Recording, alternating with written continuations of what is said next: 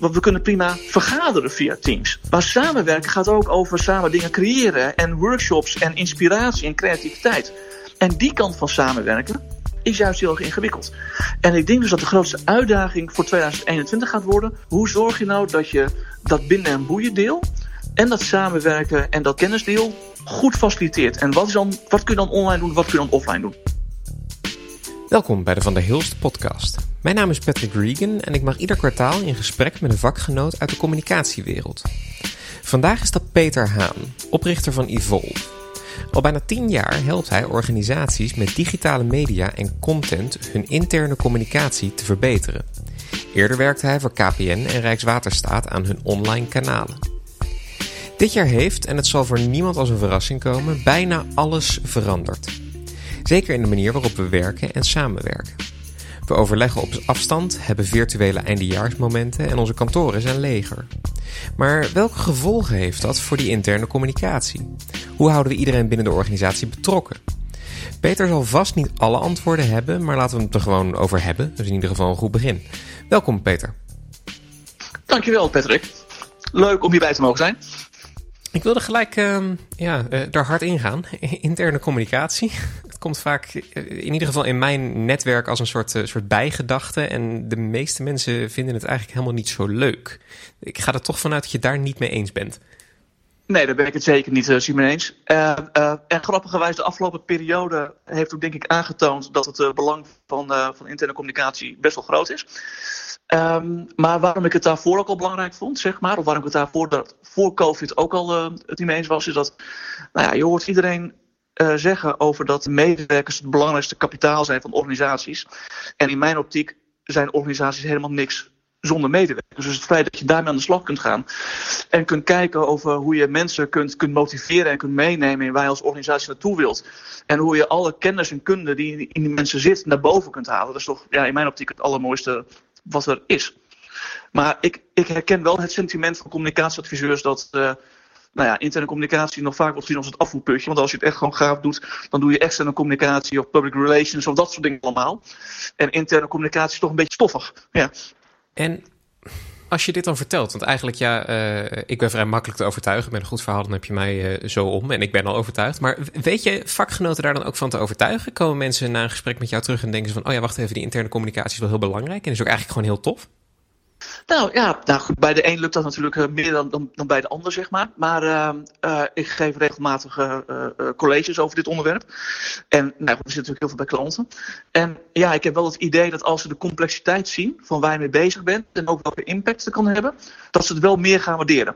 En ja, nee, dat, dat, dat heb ik op, oprecht wel. Dat het zo, zo divers is en zo dynamisch is wat dat betreft. Ik bedoel, communicatie is per definitie natuurlijk denk ik ingewikkeld. Maar het is, voor mijn gevoel is het minder plat dan soms externe marketing of, of, of, of externe communicatie soms gewoon is. Hoe bedoel je minder plat? Als je, als je kijkt naar de, naar, naar de interne organisatie en de interne communicatie, dan zitten daar vaak zoveel bloedgroepen in. Daar zit zoveel uh, ideeën en, en politiek en dat soort dingen achter. Terwijl er wel een, vaak een hele duidelijke visie is van waar we naartoe willen. Maar hoe je daar concreet betekenis aan geeft, ja, dat is voor al die mensen natuurlijk um, haast, individueel anders. En, het, en dat maakt het volgens mij best wel complex. Hoe krijg je al die bloedgroepen, al die mensen die in zo'n organisatie zitten vanuit hun eigen ideeën, vanuit hun eigen wensen, um, vanuit hun eigen veronderstellingen mee in waar je als organisatie naartoe wilt. Met in achtneming van hun talenten en hun ideeën en hun kennis en kunde. Dat is ongelooflijk ingewikkeld. En daarmee dus hartstikke leuk. En ik denk ook als je naar de verschillen misschien wel die er in een. Ja, als je naar interne communicatie kijkt, dan heb je het over medewerkers. Dan heb je het over heel veel lagen binnen een organisatie. Externe communicatie heb je misschien wel een hele gerichte doelgroep.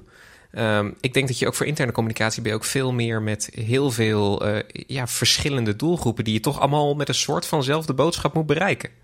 Kijk, de, de grap is, we praten eigenlijk liever niet over doelgroepen. Hè. We praten veel liever over spelers, want doelgroep is juist, dat klinkt haast alsof het iets reactiefs is, waar je mensen iets inspuit.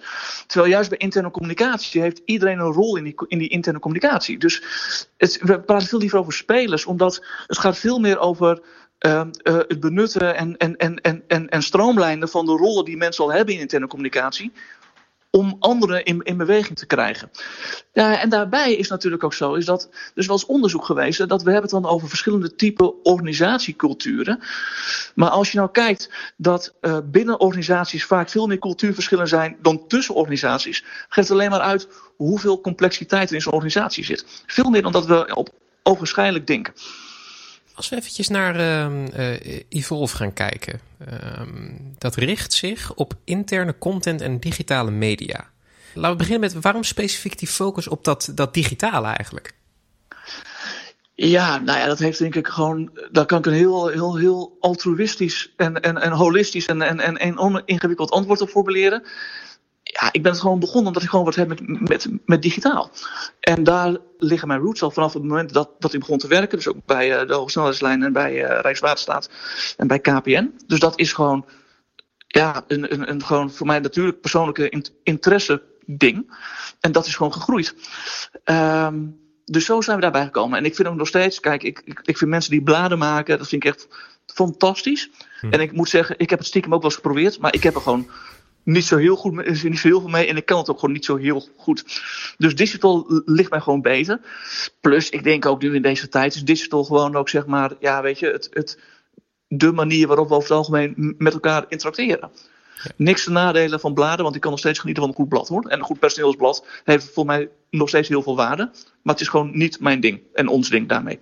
En wat dat betreft is eh, je eigen ding kennen en weten waar je goed in bent en waar je minder goed in bent ook gewoon heel belangrijk, denk ik. Ja, en, en, en weet je, het, het, het aardige is van een tijdje in loondienst gewerkt te hebben, is dat je ook prima erachter komt of geconfronteerd wordt, laat ik het zo maar zeggen, met, met je onkunde. En bij mij kwam al vrij snel duidelijk door allerlei mensen om me heen die mij precies wisten aan te, uh, te melden dat bladen maken niet echt mijn ding was. Nee. Wat dat betreft zijn spiegels soms ook heel belangrijk. Zeker, zeker. Um, om gewoon eens even heel praktisch te kijken naar, uh, naar Evolve. Um, ik denk, met wat voor vragen wordt, en dan uh, corona en eigenlijk het huidige jaar even links laten liggend. Ja. Met wat voor vragen halen organisaties Evolve ergens, ergens binnen? Nou, dat zit hem eigenlijk op, op, op vier verschillende niveaus. En uh, die hangen wel een beetje met elkaar samen. Dus kijk, de, de, de platste vraag die we krijgen is: we willen een platform en kun je iets voor ons organiseren? En uh, uh, dus een intern digitaal platform waarop dan mensen met elkaar kunnen praten en kunnen discussiëren. En, en, en eigenlijk zeggen wij dat doen we niet. Want de vraag is eigenlijk altijd: uh, wat moet het oplossen? Welk probleem lost het op? Welke toegevoegde waarde heeft? Dus feitelijk, wat is de business case? Dus we doen best wel veel strategietrajecten. Met wat is überhaupt de meerwaarde van zo'n platform en wat moet het dan doen? En vervolgens hangt daar dan op zeg maar, requirements opstellen en platformselectie of leverancierselectie. Dus dat is één ding die we heel veel doen. Uh, we worden ook wel eens gevraagd met enige regelmaat of we dan namens de klant als dan een technische partij is geselecteerd of een leverancier, technische leverancier is geselecteerd, om namens de klant te bewaken dat het, uh, uh, het realisatieproces goed loopt. Nou, zorgen dat wat ooit bedacht is ook daadwerkelijk wordt gerealiseerd.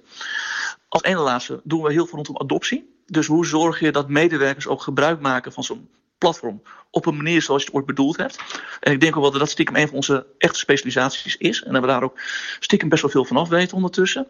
En als laatste wat we doen is eigenlijk uh, rondom content.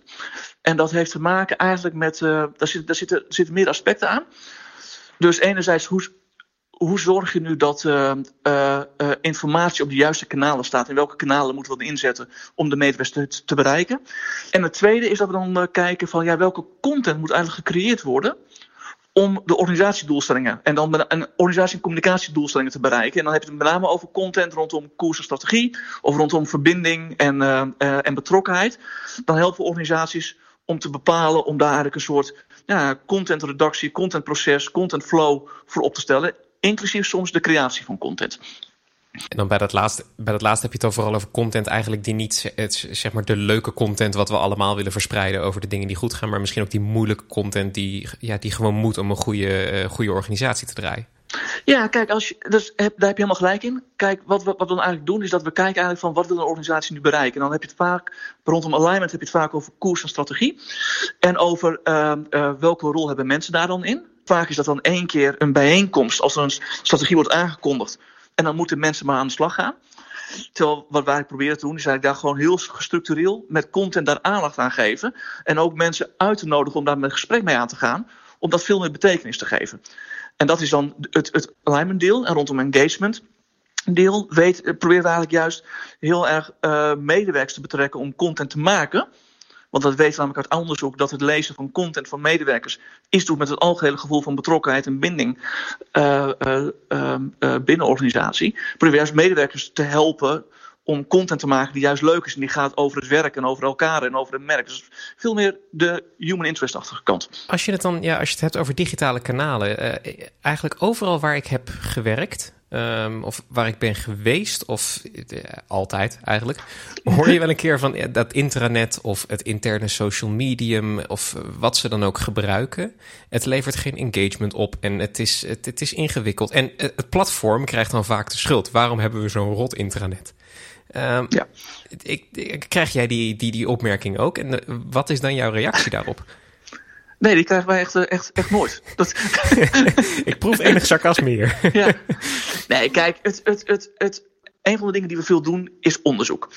En we doen iedere twee jaar doen wij een benchmark naar de stand van zaken van, van, van eigenlijk van. Het was eerst interne social in Nederland, nu wordt het interne digital in Nederland. En wat je dan ziet, is dat het uh, de gemiddelde populatie die actief gebruik maakt uh, van zo'n platform binnen een organisatie is gemiddeld dan 27% actief gebruik maakt. Dus dat je iets post en dat je op iets uh, reageert. En passief gebruik, dat je iets leest, is dan, 5, is dan 55%. Dus dat betekent dat 45%, in ieder geval uit onze benchmarks, niet op dat platform komt. En dit is wel voor COVID. Dat zal nu ongetwijfeld hoger zijn, maar dat geeft aan dat het niet altijd halleluja is. Nou, ik denk dat er een paar dingen spelen. Want ik, ik, ik, ik ken het. Ik denk dat de norm die mensen hebben voor het gebruik van digital is wat ze extern ervaren.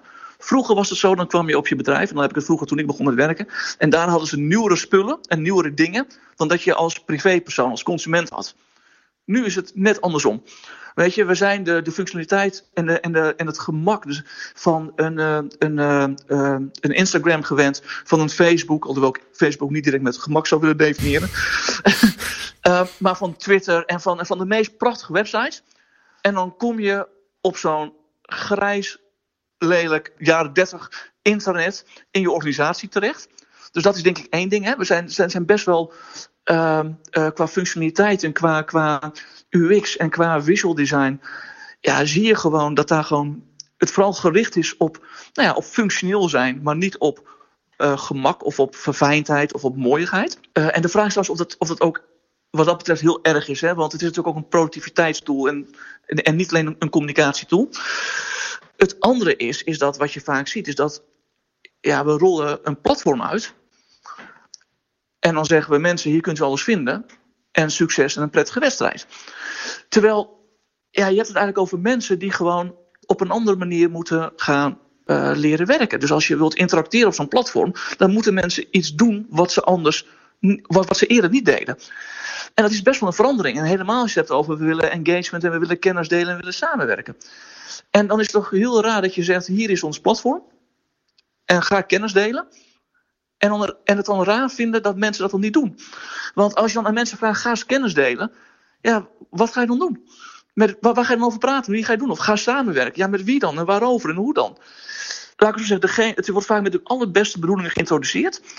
Maar de denkfout die vaak wordt gemaakt is dat het enthousiasme die de initiatoren hebben bij zo'n platform automatisch wordt gedeeld door mensen die het ontvangen. Terwijl die mensen die zijn gewoon druk bezig met hun werk. En, en die worden geregeerd waarschijnlijk door hun, eh, door hun Outlook takenlijst. Uh, of, of maillijst eigenlijk. En dan krijgen ze gewoon weer een extra kanaal bij. Waar ze ook nog allerlei dingen voor moeten doen. Ja, daar gaat het vaak om mis, in mijn optiek. En wie moet dat dan oplossen? Ja, degene die. Uh, uh, dat is een goede vraag. Ik denk in eerste instantie voor degene die het platform ook introduceert. Dus, dus als je kijkt naar, weet je, want dan vaak wordt daar een heel project voor opgetuigd. Daar zit dus ook een deel, uh, zeg maar, rondom de menselijke kant, hoort daar niet vertegenwoordigd te zijn. Ja, en verder denk ik dat het heel erg afhankelijk is van uh, voor wie je het wilt inrichten. Kijk, als je engagement wilt of interactie wilt rondom het beter afhandelen van klantvragen. Ik pak even het dwarsstraat. Mhm. Ja, dan ligt dat misschien wel bij customer service. Als je engagement wilt rondom alignment, rondom koers en strategie dus ja, dan is het heel logisch dat dat ligt ergens of bij de lijnorganisatie, bij directie, of misschien bij de communicatieadviseur. Als je zegt het moet gaan over binden en boeien en over betrokkenheid en binding, ja, dat is misschien meer een thema wat ligt bij HR en communicatie. En dan zou je het logischerwijs daar meer verankeren. En ik denk juist dat het probleem is, is dat vaak ligt zo'n platform alleen bij communicatie. En daarmee ligt dus ook, is dus ook alleen van communicatie en niet meer van de rest. Terwijl zo'n zo'n zo'n internet of zo'n sociaal internet, dat is eigenlijk ja, afhankelijk waarvoor je het inzet, ja, kan dat gewoon op, op veel verschillende uh, manieren van toegevoegde waarde zijn van de organisatie. Of in primair proces, of voor uh, koersstrategie, of voor binden en boeien, of misschien wel voor onboarding. Ja, daar hoort dan dus ook de verantwoordelijkheid bij van de eigenaar van het proces. Om ook te zorgen dat er iets op gebeurt rondom nou ja, interactie en, uh, en, en de menskant. Ja, ja. Om even, uh, voordat ik verder ga met uh, diepzinnige vragen, want we zijn erg diep gedoken ineens. Een klein stapje ja. terug en gewoon heel simpel. Je noemde net al de term sociaal intranet. Um, ja. Wat zijn een beetje, uh, ja, ik ga dan gelijk naar tools en naar digitale kanalen. Ja. Hoe ziet dat er zo'n beetje uit? Wat is nu zeg maar de trend? Wat zijn de dingen waar we nu mee bezig zijn? Nou ja, we zien een, we zien een paar dingen. Kijk, je hebt denk ik al sinds, sinds oudsher ongeveer een stuk of uh, vijf grote Nederlandse aanbieders van platformen.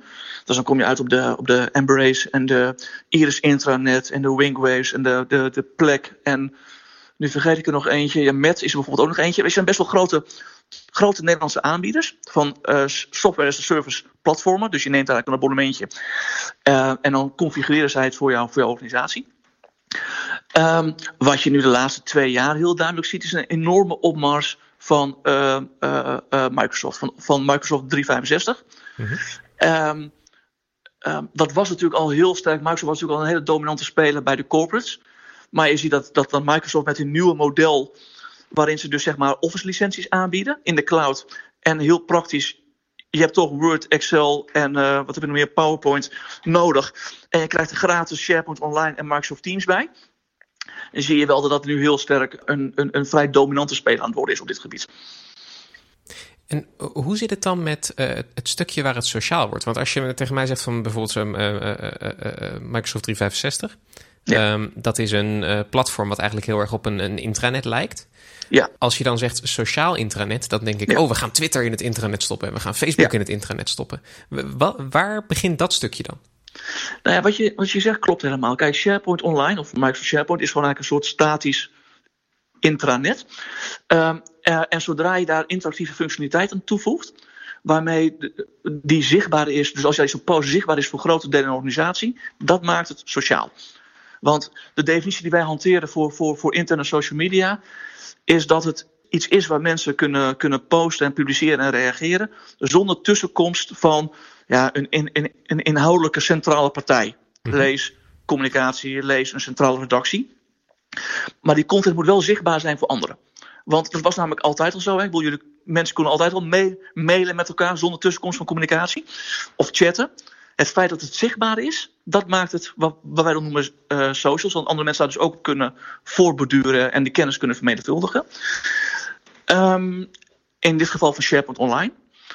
Ja, zou, zodra je daar zeg maar Teams in integreert of Yammer, zou het een sociaal internet worden.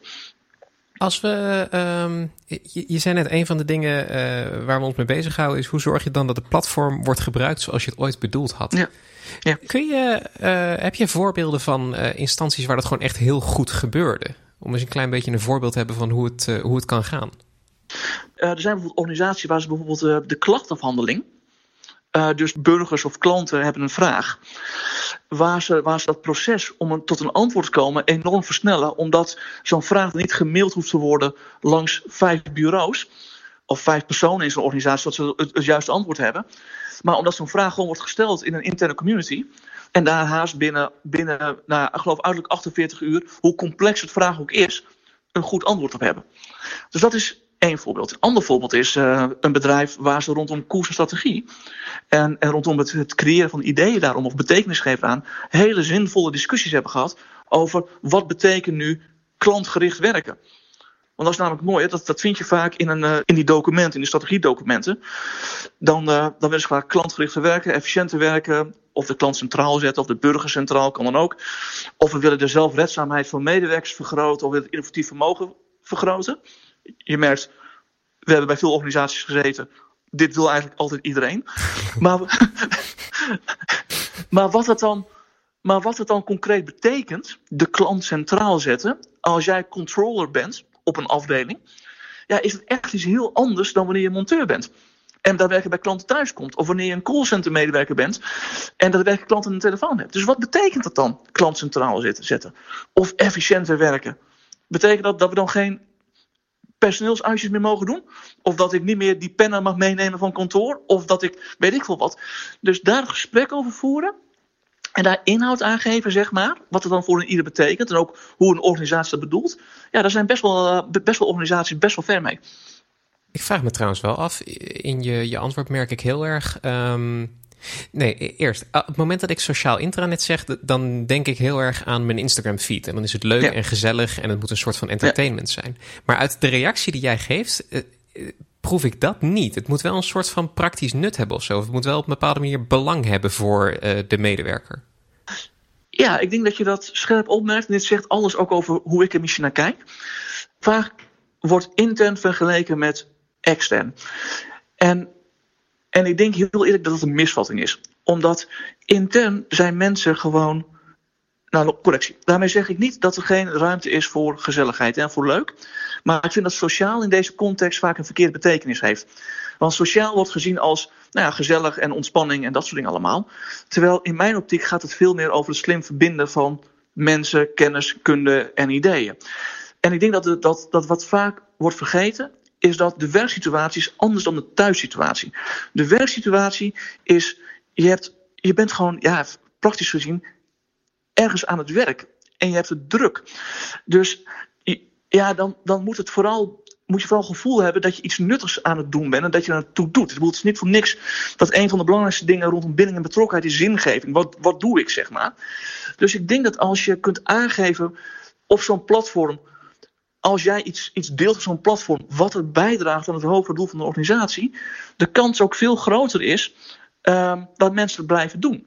Dus de, de fun factor, of de gezelligheidsfactor, ja, die, die, het, is grappig, maar dat, dat zien we als intent, als veel minder belangrijk dan uh, uh, het functionele.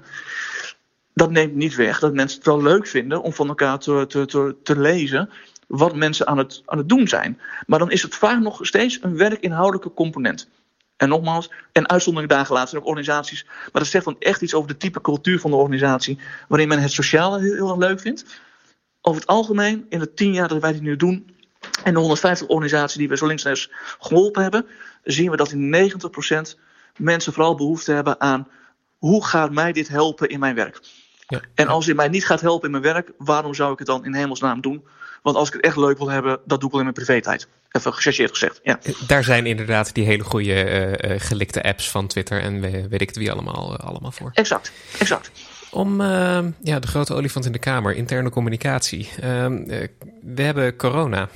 En nou wil ik het eigenlijk een klein beetje op te splitsen in twee, twee delen, zeg maar. Want we hebben begin dit jaar hebben we een crisis gehad, waar we allemaal samen in zaten. Er was veel saamhorigheid um, thuiswerken. En uh, het was allemaal nieuw. Uh, we kregen ook heel veel video's van lege straten. Eigenlijk er zat een soort van ja, nieuwigheid aan ook. Ja. Toen was de uitdaging voor interne communicatie volgens mij wel heel feitelijk. Je, iedereen moet opeens thuiswerken en zorg er maar voor dat iedereen goed in gesprek blijft.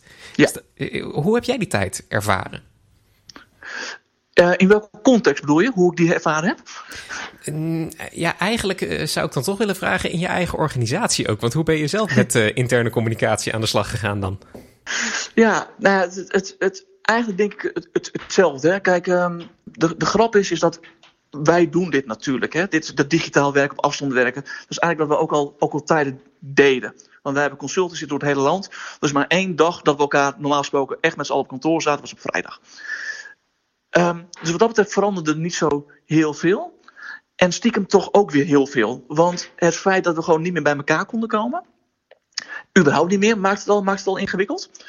Ja, en dat is natuurlijk ook de onzekerheid over wat, wat, doet, wat gaat hij doen met ons bedrijf.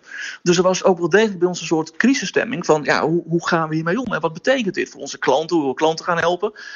Uh, onze dienstverlening. Ik bedoel, wij, wij, zijn, wij zijn tien jaar bezig geweest met, met adoptie uh, dus de menskant onder de aandacht brengen. En vervolgens zag je hele groepen binnen twee weken op Teams. Toen dacht ik, nou, dat is apart, waar wij tien jaar aan het trekken zijn geweest. Daar is maar één crisis voor nodig om mensen in één keer aan de praat te krijgen. Ehm, ja, hoe zijn we daarmee omgaan? Ik denk dat wij, als je het even op het abstracte niveau kijkt, of ik best wel veel energie heb gestoken in het alignment vraagstuk. Van ja, wat is in onze koers? Wat gaan we nu doen? En we, zijn, uh, we hebben best wel veel energie gestoken in het, uh, in het uh, nou ja, hoe houden we het gezellig en hoe houden we het betrokken. En dat, ja, weet je, dat hebben we gedaan wat, wat denk ik iedereen doet. de vrijdagmiddagborrels, de, de, de, de opstarts in de ochtend, wat nadrukkelijke vragen hoe het met iedereen gaat.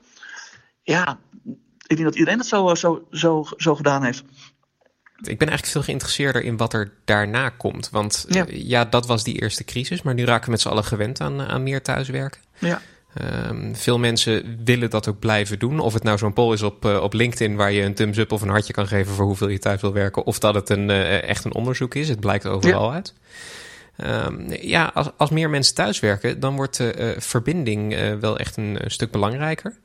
Um, met jouw eh, professionele blik eigenlijk voor 2021, dat jaar waarin we eigenlijk hier aan, eh, aan gaan wennen. Wat denk jij nou dat de grootste uitdagingen zijn? Nou ja, ik denk dus, kijk, wat uit die onderzoeken ook blijkt, hè, uh, eerst daarop terugkomend, en ik denk dat, dat dat het blijft, is dat wat je ziet, is dat mensen willen graag thuis blijven werken, omdat de werk-privé-balans over het algemeen fijn is. Ze hebben het gevoel dat ze productiever zijn, al dat soort zaken. Maar waar zijn mensen heel erg ongelukkig mee? En dat zijn thema's als motivatie en moraal. Dus dat merk je heel duidelijk dat dat binden en boeien echt een vraagstuk is. En ook, um, ik zit dan thuis, ik heb, ik heb twee jonge kinderen, dus ik zou het soms af en toe heel fijn vinden om uit huis te gaan. Zeker nog, ik zoek eigenlijk ieder moment op dat, dat, dat, dat deze kan. Zeker in die eerste periode, toen ze ook niet, niet naar school konden. Ja. Um, maar als je wel, als je alleen bent, was een hele eenzame periode. Waar vaak werk dan, dan, dan een heel groot belangrijk deel van je, van je leven is ik denk dat dat thema, um, als we straks weer een klein beetje naar het werk mogen, minder wordt. Want dan kun je elkaar nog wel steeds ontmoeten. Mm -hmm. Weet je, dus, dan, dus, dus, dus we, konden, we kunnen nu eigenlijk helemaal niet bij wijze van spreken na het werk. Als het straks weer een beetje kan, dan, dan kan dat prima. Dat komt namelijk ook uit die onderzoek. En mensen willen wel thuiswerken, maar dan het liefst twee à drie dagen. Ja, en dan ook ja. twee dagen op, op, op, op kantoor. Ik denk alleen dat hoe zorg je dan dat mensen alsnog verbonden blijven en weten wat er speelt in de organisatie. Ik denk dat dat de grootste uitdaging wordt. En ik denk dat die uitdaging voor de communicatieprofessional nog veel, nog veel groter wordt. Want wat ga je dan straks offline doen? En wat blijf je online doen? En hoe zorg je dat mensen op de juiste manier geïnformeerd raken? Want wat we zien eigenlijk ook is dat. Nou, je ziet eigenlijk het probleem op, op, op twee punten. Als je communicatie, interne communicatie, op, op, in, in vier functies indeelt, dan heb je zeg maar, de functie uh, uh, richten en sturen. Dus dat gaat heel erg over strategie en beleid en dat soort dingen allemaal. Dat kun je best wel voor een deel online doen. Dan heb je iets van een taak en instructie. Uh, dus wat moet ik dan concreet mijn werk doen? Dat kan ook best wel prima online. Hence alle team call sessies, want we zijn super productief daarin. En we kunnen elkaar prima opdrachten geven en wat er moet gebeuren. Dus dat gaat eigenlijk best wel goed. Maar juist de andere kant, en dan en ik zeg andere kant, omdat er in mijn hoofd zeg maar, het, het, het andere kant van het spectrum is, zeg maar. Mm-hmm. Dan heb je het binden- en boeien vraagstuk. En daarin merk je dat, dat, dat, dat online heel ingewikkeld is. Dan binden en boeien, dat gaat over, ja, over erkenning. Dat gaat over, over zichtbaar zijn. Dat gaat over uh, gezien worden. Dat gaat over waardering krijgen. Ja, dat is stiekem uh, online veel ingewikkelder dan offline. Want ja, loop maar eens ergens rond, laat maar zien wat je allemaal gedaan hebt. En hetzelfde geldt voor, voor, voor kennisdeling en voor, en voor samenwerken. Ja, we zeggen dat we werken allemaal fantastisch samen nu we teams hebben. Maar eigenlijk is dat gewoon onzin. Want we kunnen prima vergaderen via teams. Maar samenwerken gaat ook over samen dingen creëren. En, en, en workshops en inspiratie en creativiteit. En die kant van samenwerken is juist heel erg ingewikkeld. En ik denk dus dat de grootste uitdaging voor 2021 gaat worden hoe zorg je nou dat je dat binnen- en boeien deel en dat samenwerken en dat, dat kennisdeel uh, uh, deel goed faciliteert? En wat, is dan, wat kun je dan online doen, wat kun je dan offline doen? Ik denk dat dat de grootste uitdaging gaat worden. Maar ik denk daarbij wel heel erg, het, ik, ik, ik, ik snap het. Maar mijn vraag is dan direct: is dat niet ook een stukje, met name als het over waardering gaat en ook over dat, dat samenwerken stimuleren? Dat ligt heel erg bij uh, de manager van een afdeling. Dat ligt niet per se bij een interne communicatieadviseur.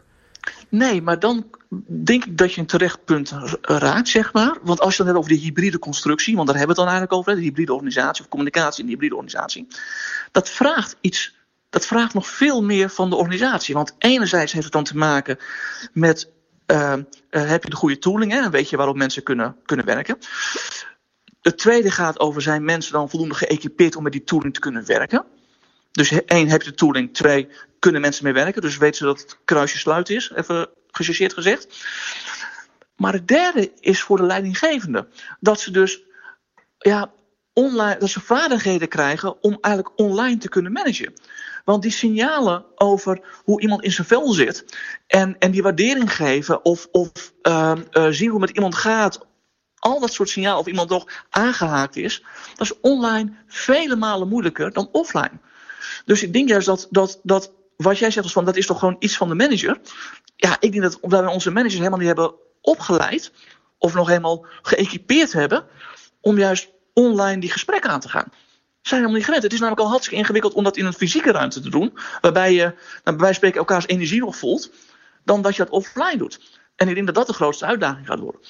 Is dat dan ook waar de, de communicatieprofessional, zeg maar, uh, misschien samen met een HR-adviseur binnenkomt en waar wij dan ons werk moeten gaan doen? Maar dat denk ik wel. Ik denk dus dat, dat, wij, dat wij, zeg maar, lijnmanagers moeten gaan helpen samen met HR. Ja, ja, om die functie, om die rol veel beter te kunnen vervullen. En eigenlijk zou je kunnen zeggen: ja, weet je, dat is, dat is um, uh, misschien aan, aan, aan de manager zelf. Maar al was het alleen maar hoe je, hoe je, hoe je een gesprek doet, weet je, waarbij je. Um, uh, als je, nou ja, als je een uur in een, in een, in een teamcall zit, of in een Zoom-meeting, ja, weet je, dan ben je zo'n beetje half afgebrand. Laat staan als je, er, als je zeven achter elkaar hebt, wat volgens mij nu meer regel dan uitzondering is. Ja, dan is het handig dat je als, als, als manager trucjes leert, of technieken leert eigenlijk, trucjes klinkt zo plat, maar technieken leert om daarmee om te gaan. En ik denk dat wij als communicatiespecialisten ze ook met al dat soort dingen zouden kunnen helpen. Het klinkt, het klinkt voor mij ook heel logisch dat het, het, het vraagstuk wordt. Dan komt wel de vraag van hoe kunnen wij uh, in dat vraagstuk ondersteunen en hoe kunnen wij ons daarop voorbereiden? Want dit is ook niet iets waar uh, de gemiddelde communicatieopleiding of communicatieverantwoordelijke over heeft nagedacht, denk ik.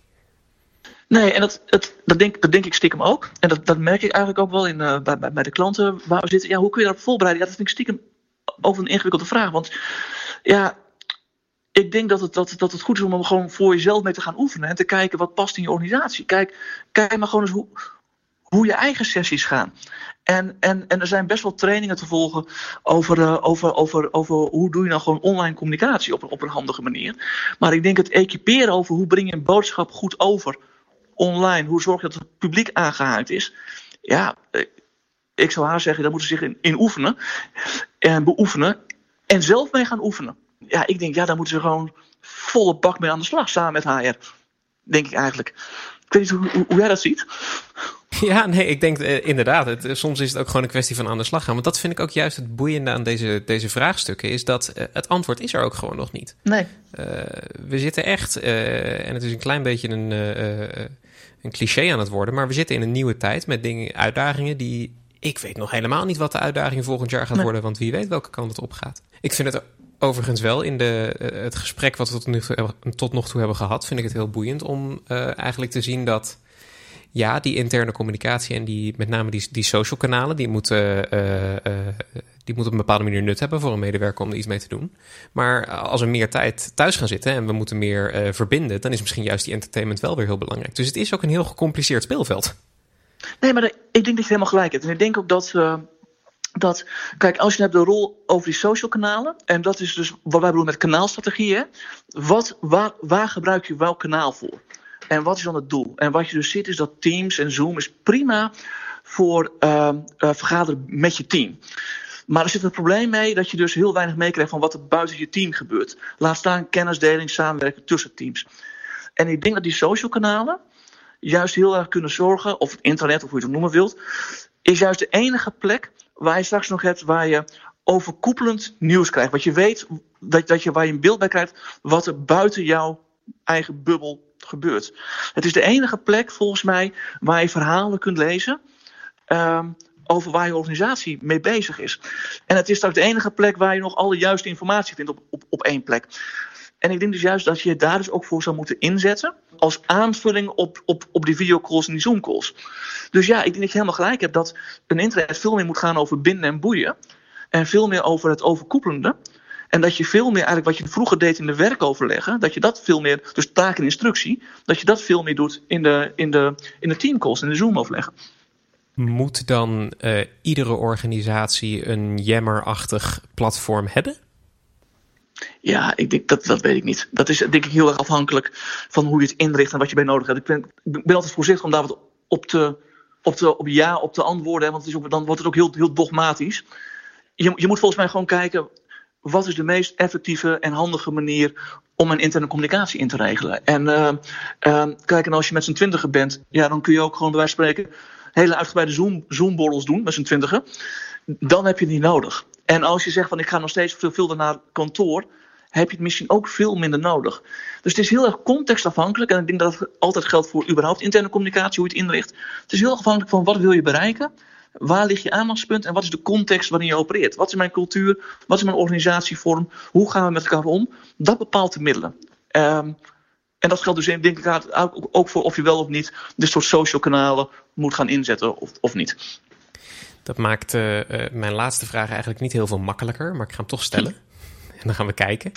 Ja. Um, want er, er luisteren heel veel vakgenoten naar deze podcast. En wat ik heel erg um, uh, eigenlijk bij dit verhaal misschien nog wel moeilijker vind dan anders, omdat het op sommige niveaus heel erg abstract is en heel erg gecompliceerd is. Um, wat je nou daadwerkelijk moet doen. Dus ik, ik vraag niet naar de grote uh, plannen voor 2021 of naar uh, hoe ga ik mijn strategie aanpassen. Ik wil eigenlijk gewoon vragen naar als je nou als communicatieprofessional morgen op je werk komt en je denkt opeens van ja, ik moet me met interne communicatie bezig gaan houden. En misschien heb je daar wel een maand niet over nagedacht en denk je na het horen van deze podcast opeens van oh ja, ik moet toch echt wel wat gaan doen. Wat is nou iets, één ding waarvan je waar je dan mee kan beginnen? Nou, dat vind ik stiekem dus ook inderdaad best wel een hele ingewikkelde vraag.